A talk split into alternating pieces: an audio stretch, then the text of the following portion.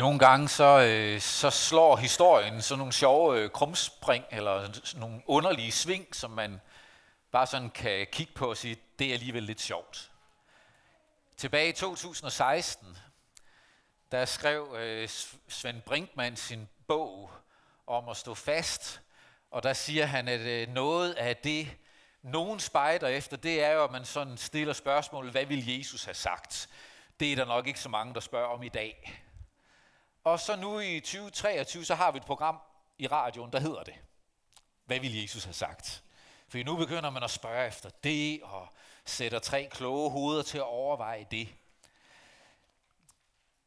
Hvad kunne du have lyst til at spørge ham om i så fald?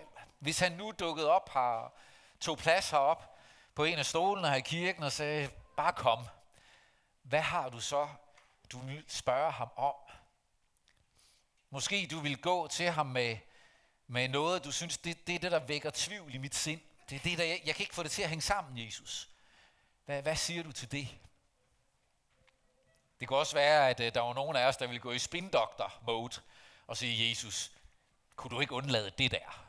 Øh, det, kunne vi pille det der væk, så tror jeg altså, at det ville være lidt mere salgbart, dit budskab. Vi har alle mulige tanker, kan vide, hvad det er, vi gerne vil spørge ham om. For spørgsmål er jo sunde. Spørgsmål er gode, og ærlige spørgsmål er altid gode spørgsmål.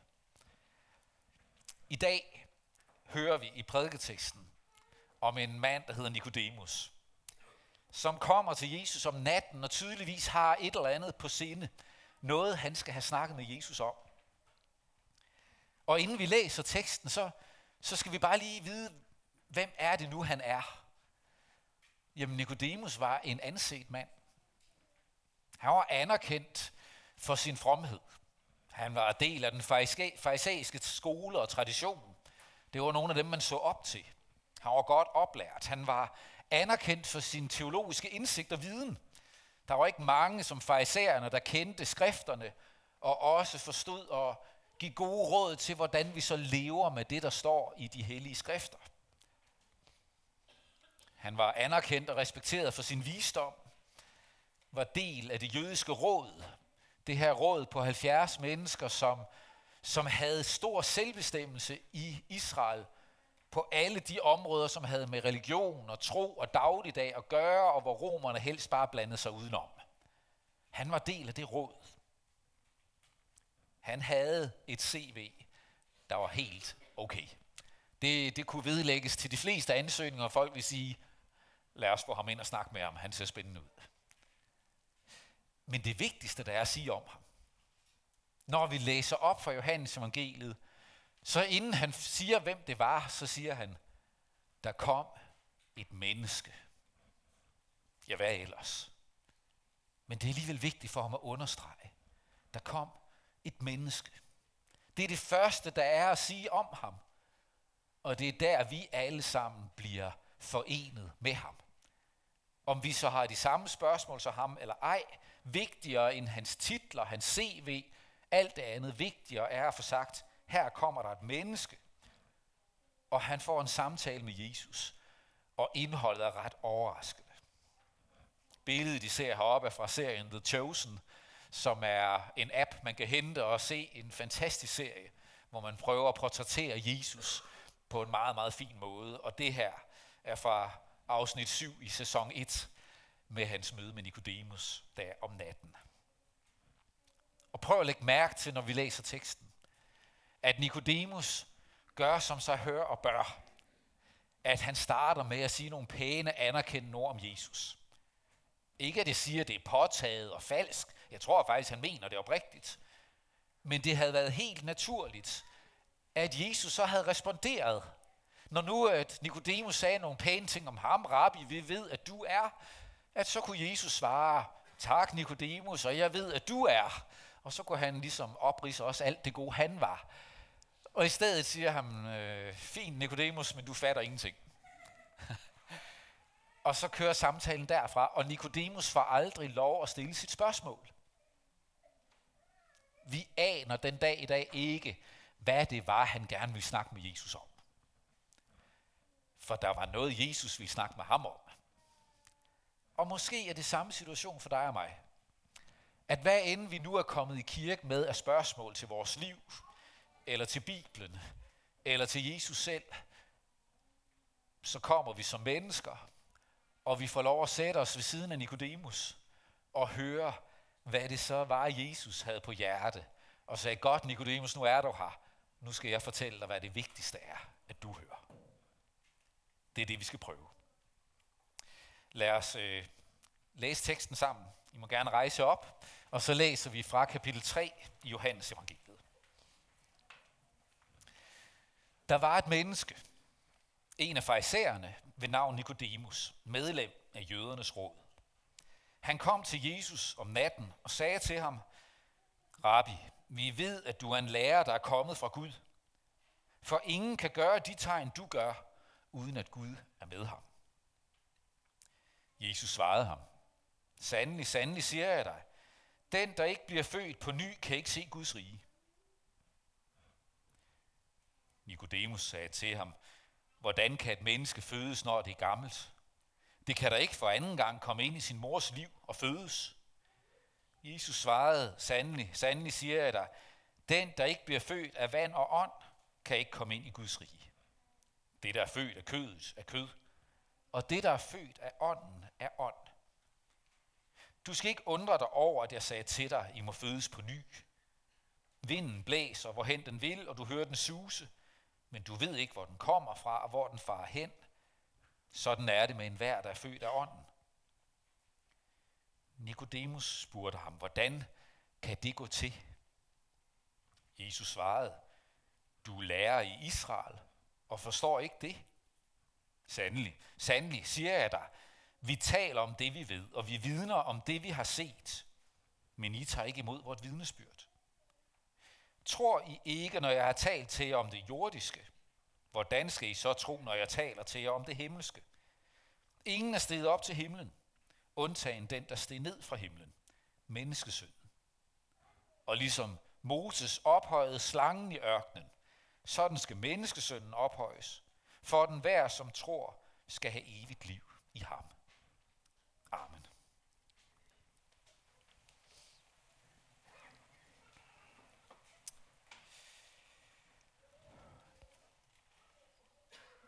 Gud Helligånd, vi stoler på, at du også i dag er til stede for at genføde, skabe nyt, oplyse, forklare. Og vi beder om, at vi nu må have lov at sidde sammen med Nikodemus og få lov at høre og tage imod det, som vi ikke kan sige os selv. Amen.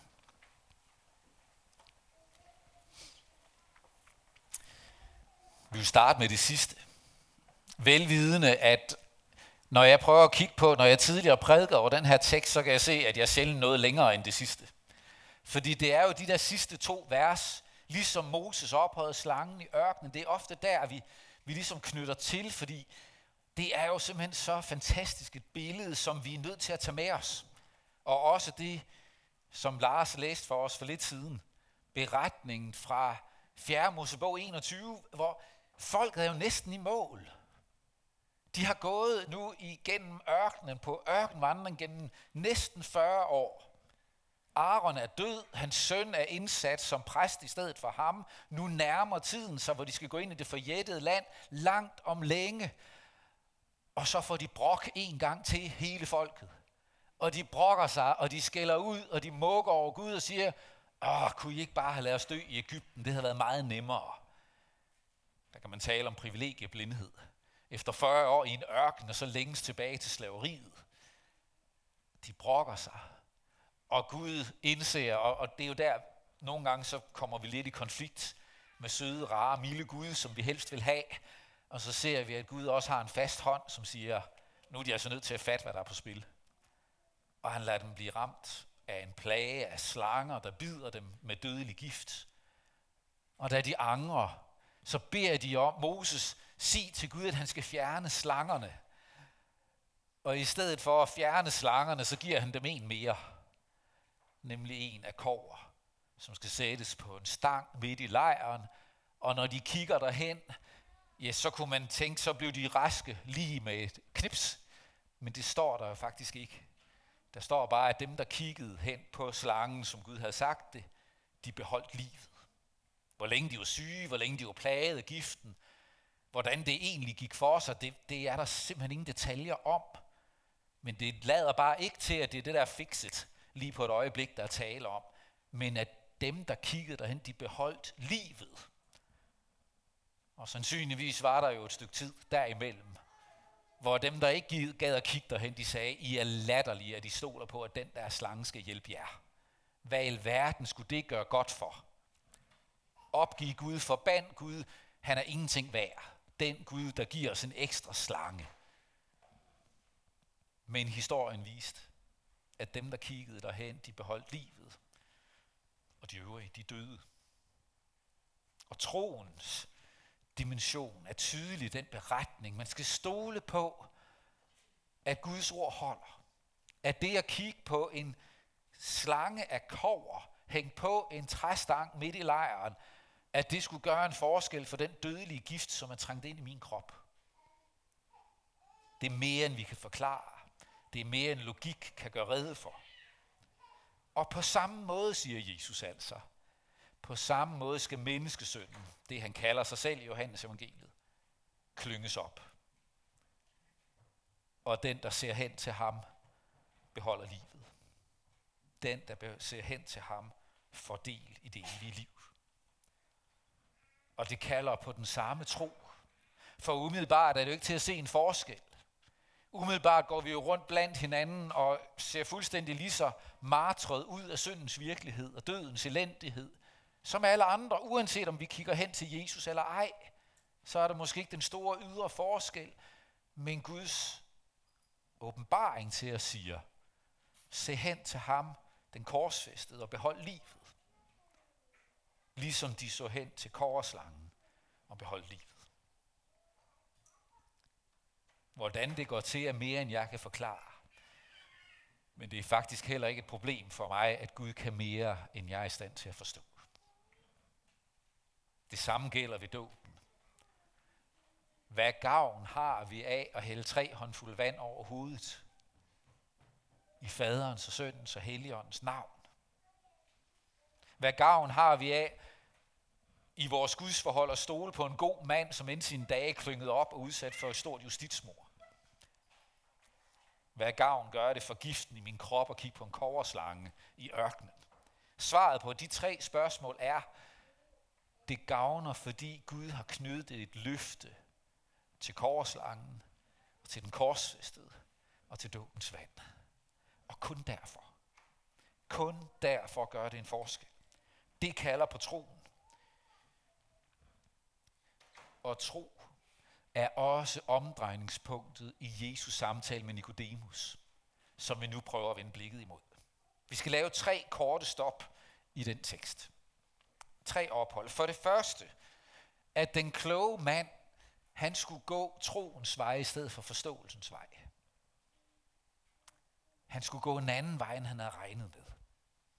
Jesu første sætning smider jo alle Nikodemus' kvaliteter uden for døren. Han kommer der med hele sit CV og al sin, al sin dygtighed, og Jesus siger bare, den, der ikke bliver født på ny, kan ikke se Guds rige. Nikodemus havde set Jesus. Han havde set nok til at sige, der er ingen, der kan gøre det, du gør, uden at Gud er med ham. Han havde faktisk set ganske meget, og alligevel siger Jesus, du har slet ikke set nok. Du har endnu ikke set Guds rige, og det kommer kun til at ske, hvis du bliver født på ny. Du kan ikke gå forstandens vej. Du kan ikke gå intellektets vej, dygtighedens vej ind i Guds rige. Du kan kun få lov at se det ved at blive født på ny. Det var det første. Og det rammer os, som gerne vil have intellektet med, og der er ingenting galt med gode spørgsmål.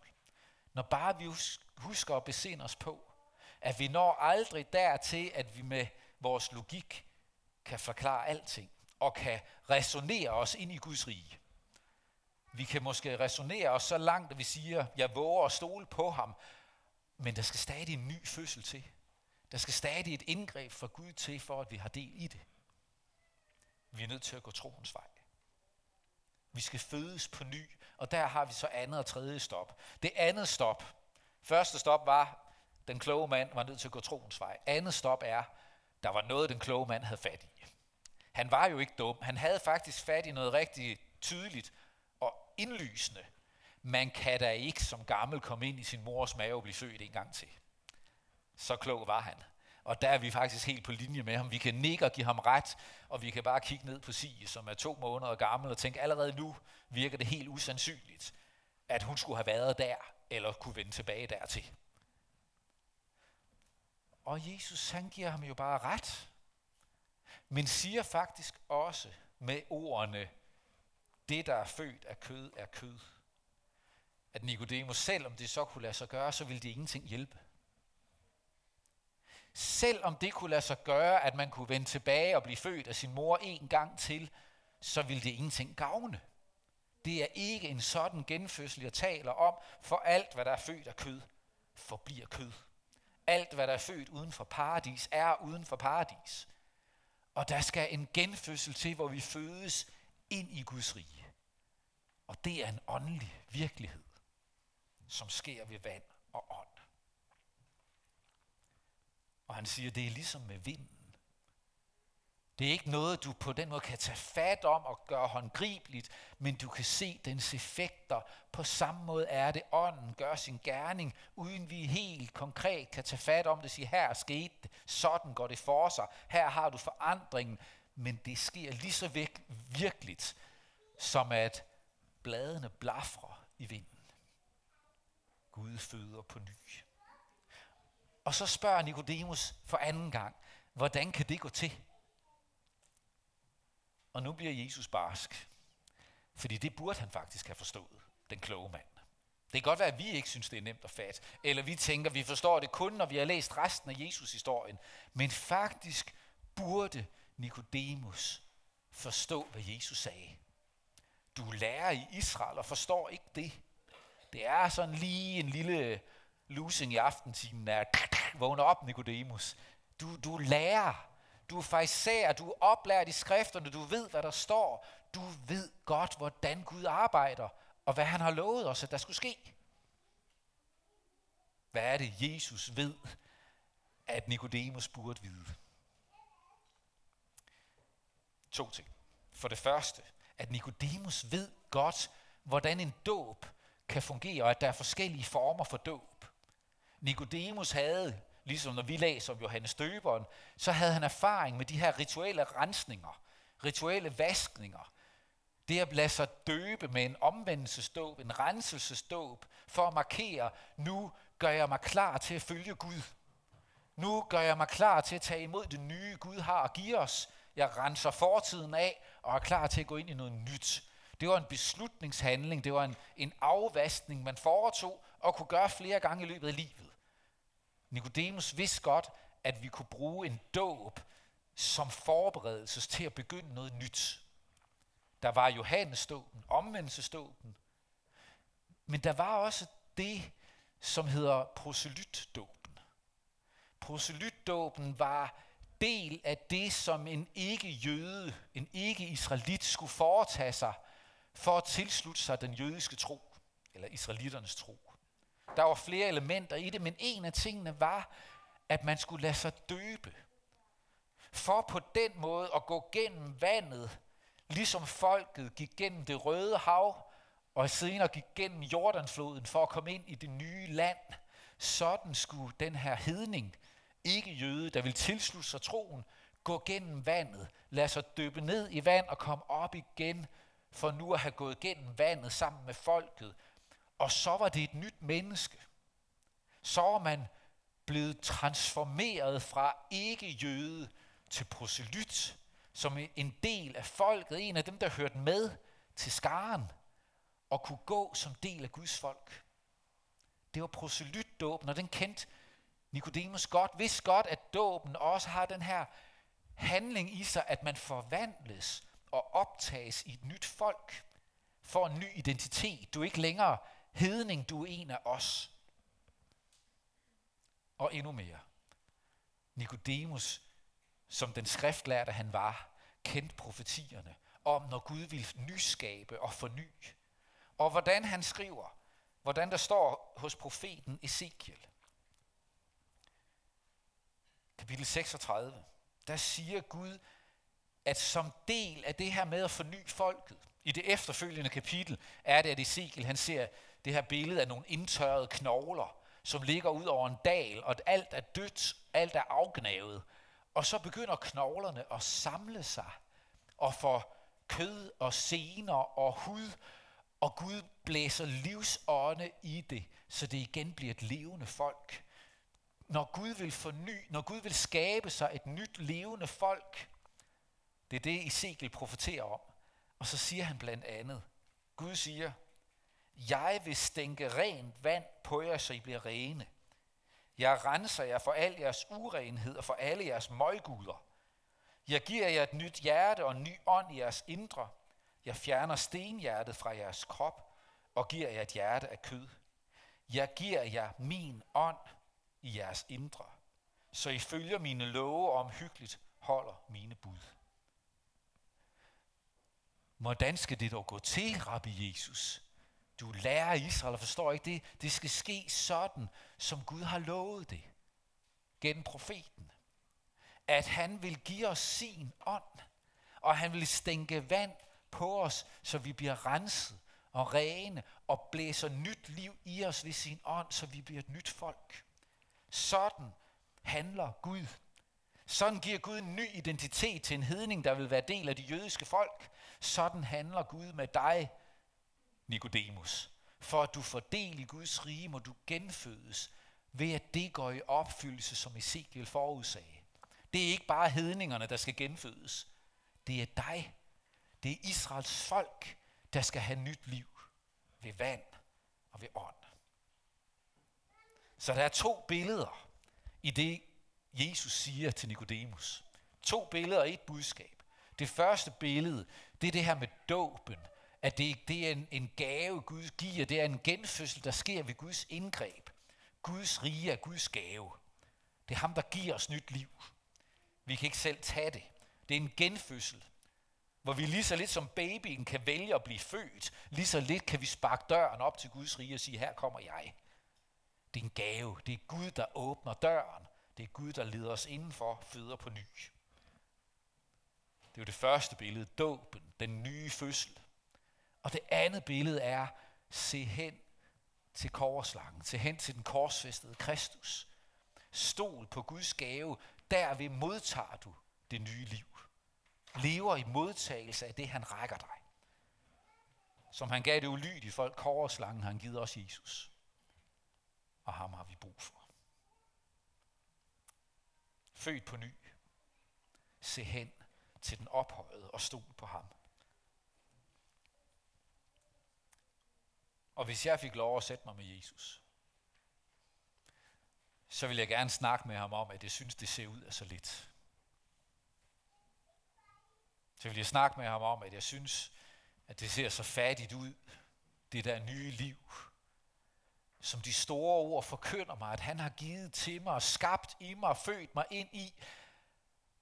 Og så siger men jeg synes bare, jeg ville bare så gerne, at min vandring gennem ørkenen, min vandring ind i det forjættede land, min vandring var meget mere gennemsyret af dig. Jeg ville, meget, jeg ville så gerne, at det så ud af mere. Jeg ville gerne, at Bibelen ikke føltes så støvet. Jeg ville så gerne, at min bøn var meget mere levende. At min lovsang var meget mere fuld af jubel og taksigelse til ham, der har født mig på ny til et nyt liv. Jeg ville gerne, at det så ud af så meget mere. Der var meget mere glæde og jubel i det. Hvorfor Jesus ser det ud af så lidt? Og jeg vil tro, at hans svar er. Du er lærer i Randers og forstår ikke det. Det er fordi, at du skal øve dig i. Og leve sådan, at du vidner om, at det nye liv ikke afhænger af, hvad du lykkes med eller mislykkes med. Men at det nye liv også for dig er en Guds gave. At det nye liv er noget, der konstant rækkes til dig ved Guds kraft og Guds nåde. Mens du er en af dem, der må kigge hen til den ophøjede.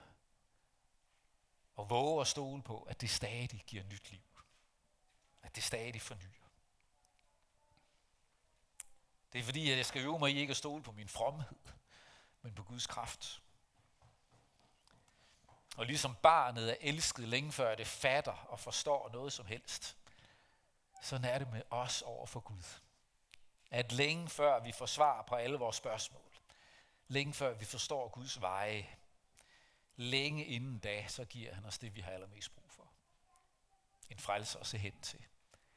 Og et nyt liv ved vand og ved ånd. Ham, der knytter sig til os i dåben, fornyer sit fællesskab med os, hver gang vi samles til nadver, hver gang vi i fællesskab lovsynger ham og takker og beder og lytter, der fornyer og bekræfter han det fællesskab. Om vi så mærker det eller ej, så er det det, han gør, for det er det, han kan. Og ved den indsigt, så vokser glæden. Så vokser takken, så vokser håbet. For så tror jeg ikke på min tro, men jeg tror på den korsfæstede. Lad os bede sammen. Lov og tak og evig ære være dig, hvor Gud, Far, Søn og Helligånd, som var, er og bliver en sand træen i Gud, højlået fra første begyndelse, nu og i al evighed. Jesus, tak, at du mødte Nikodemus med et budskab, som du vidste, han skulle tage til sig. Et budskab om at parkere alle vores kvalifikationer, vores meritter, vores fine CV, vores forsøg på at forstå os ind i Guds rige. Våge at lægge det til side og se på dig. Og lad os genføde ved dit ord og ved din ånd. Til et nyt liv, som lever i kraft af din styrke frem for vores fromhed. Hjælp os til at våge og stole på dig, så vi forstår det, vi kan forstå, og våge at tro det, som vi kun kan tro. Vi beder dig ikke om naiv og ligegyldig tro, men vi beder dig om en rodfæstet tro, som stoler på din visdom, og våger at stille vores spørgsmål, men også at høre dine svar. Hjælp os til det. Vi beder om, at du på den måde former din kirke, både hos os, men også rundt i vores by, vores land og ud over verden. At du får lov at præge os, sæt dit mærke på os, så vi lever som korsbærere, som håbets ambassadører. Vi beder om, at det må være virkeligheden også der, hvor din kirke er ramt af forfølgelse og trængsel. Kom med din trøst og styrke og hjælp os til at huske også dem. Vi beder for vores land, for vores dronning og hendes familie, alle med magt og ansvar betroet. Lad dem være et værn mod uret og til hjælp for alle. Vi beder for vores by, vores byråd og borgmester Torben Hansen, for børn og unge, daginstitutioner og skoler, familier og hjem. Velsign og bevar enhver, som venter et barn. Beskyt både dem og det ufødte barn, de bærer på. Vi beder for alle, som sidder med sorg og savn, fordi de har mistet.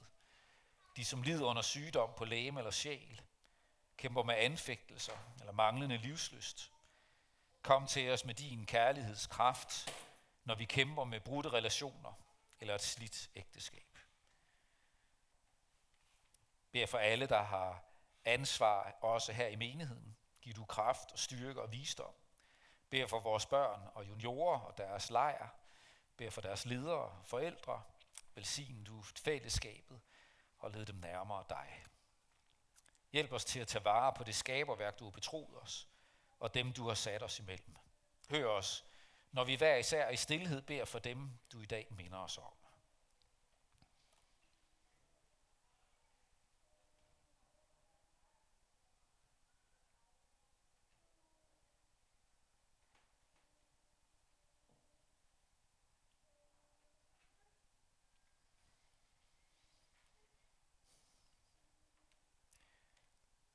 Led mig frelser ved din nåde, også når jeg selv vil råde og vil gå min egen vej. Sæt mig, hvor jeg bedst kan gavne, men lad mig aldrig savne vidshed, at jeg tjener dig.